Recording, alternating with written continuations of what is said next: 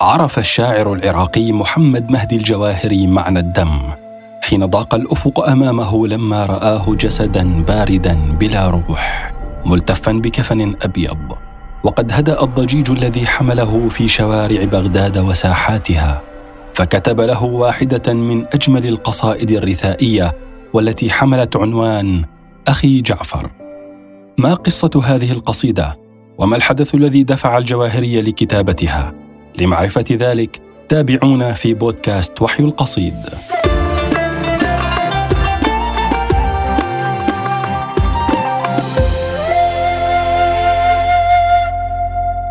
الشارع العراقي منتفض.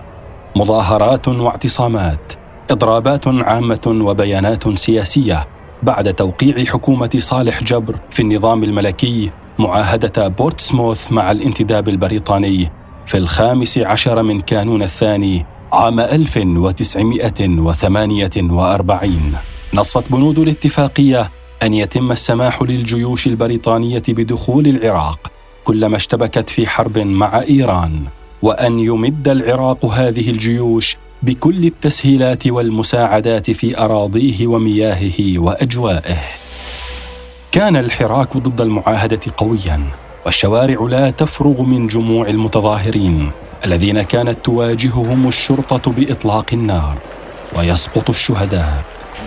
كان الشاعر محمد مهدي الجواهري في وقتها رئيس جريدة الرأي العام في العراق وكتب في عدد 1829 الصادر بتاريخ الخامس من شباط عام 1948 لن ينسى الشعب دم الشهداء البريء حتى يكشف التحقيق النزيه عن السفاحين وحتى ينتصف القضاء العادل من الظالمين.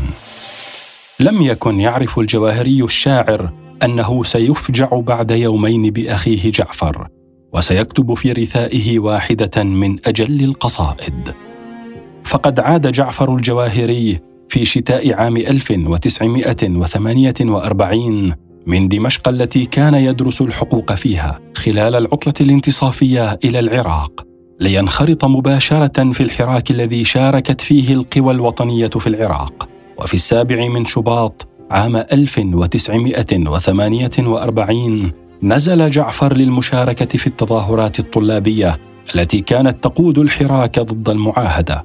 وفي الصفوف الأولى توجه الجمع إلى جسر الأحرار وتقحم صوب الكرخ. حيث المواقع الحساسة والحيوية للحكومة لم يعجب الشرطة الملكية أن يتقدموا كل هذا القدر فبدأوا بإطلاق النار على الحشد وهم يعبرون جسر الأحرار. اخترقت رصاصة بندقية صدر جعفر وخرجت من ظهره وسقط على الأرض داميا. نقل على إثرها إلى المستشفى. حاول الطبيب الجراح نجيب اليعقوبي جهده لإنقاذ جعفر. لكن الرصاصة كانت أقوى والموت كان أسرع.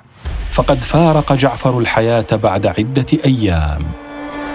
خرج في تلك الليلة تشييع كبير لجعفر. في شارع الرشيد في بغداد شارك فيه الكثير من قادة الأحزاب والشخصيات السياسية في العراق وأذيع الخبر على إذاعة بغداد. لم يذهب دم الشهداء هباء. بعد أيام دموية من المظاهرات دعا الأمير الوصي عبد الله إلى الاجتماع في البلاط الملكي. حضره سياسيون عراقيون كثر واحتد النقاش ما بين مؤيد للاتفاقية وبين معارض لها. لينتهي الاجتماع برفض المعاهدة. وأصدر الأمير عبد الله بيانا بذلك. لكن رئيس الحكومة صالح جبر عاد من بريطانيا بخطاب قمعي للحراك. وامتد الحراك من جديد في مدن العراق. وانتهى الأمر بالضغط على صالح جبر وتقديم استقالته من رئاسة الحكومة ومغادرته البلاد. بعد استشهاد جعفر بأسبوع واحد في يوم الرابع عشر من شباط رثاه محمد مهدي الجواهري بقصيدة طويلة كانت رسالة لجعفر وحوارا معه ووصفا تفصيليا له. قال فيها أتعلم أم أنت لا تعلم؟ بأن جراح الضحايا فم. فم ليس كالمدعي قولة وليس كآخر يسترحم. يصيح على المدقعين الجياع اريقوا دماءكم تطعموا ويهتف بالنفر المهطعين أهينوا لئامكم تكرموا.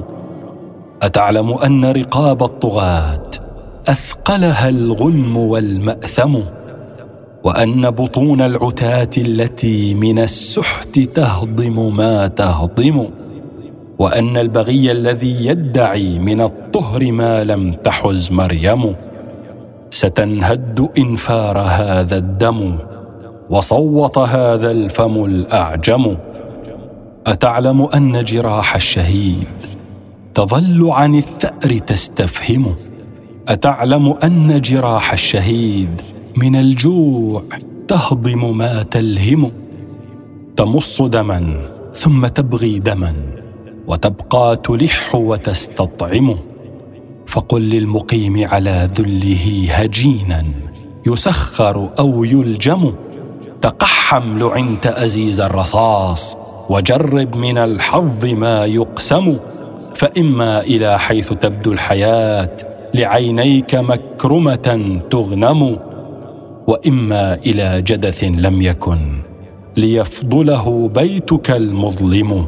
تقحم لعنت فما ترتجي من العيش عن ورده تحرم.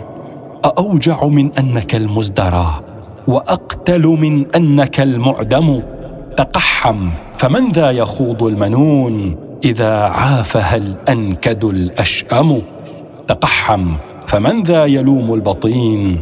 إذا كان مثلك لا يقحم. يقولون من هم أولئك الرعاع؟ فأفهمهم بدم من هم وأفهمهم بدم أنهم عبيدك إن تدعهم يخدموا وأنك أشرف من خيرهم وكعبك من خده أكرم.